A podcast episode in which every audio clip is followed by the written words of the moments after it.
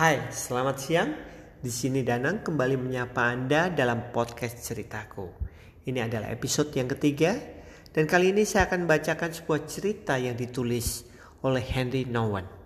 Sebuah cerita yang sangat dalam dan butuh perenungan. Dan saya katakan sangat relevan untuk saat ini. Di mana kita menghadapi pandemi corona dan mau tidak mau kita dipaksa untuk masukin sebuah era yang baru. Demikian ceritanya. Enter the new country. You have an idea of what the new country looks like. Still, you are very much at home, although not truly at peace in the old country. You know the ways of the old country, its joys and pains, its happy and sad moments. You have spent most of your days there even though you know that you have not found there what your heart most desire, you remain quite attached to it. It has become part of your very bones. Now you have come to realize that you must leave it and enter the new country where your beloved dwells. You know that what helped and guided you in the old country no longer works. But what else do you have to go by? You're being asked to trust that you'll find what you need in the new country.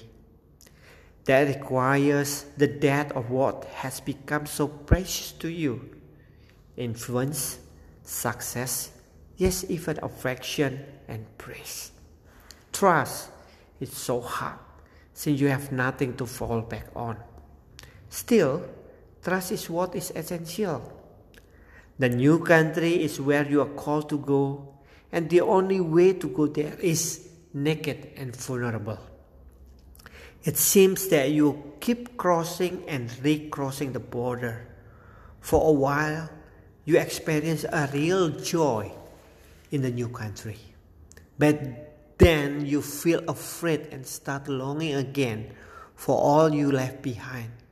So you go back to the old country. To your dismay, you discover that the old country has lost its charm.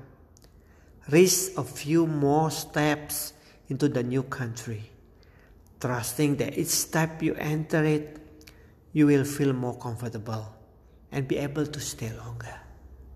Teman, ini ada saatnya kita masuki satu era yang baru. Era yang mungkin kita nggak comfortable. But just keep moving dan mungkin kita akan comfortable karena kita menemukan sesuatu yang baru yang indah di depan kita. Good luck, enjoy your every moment in your life.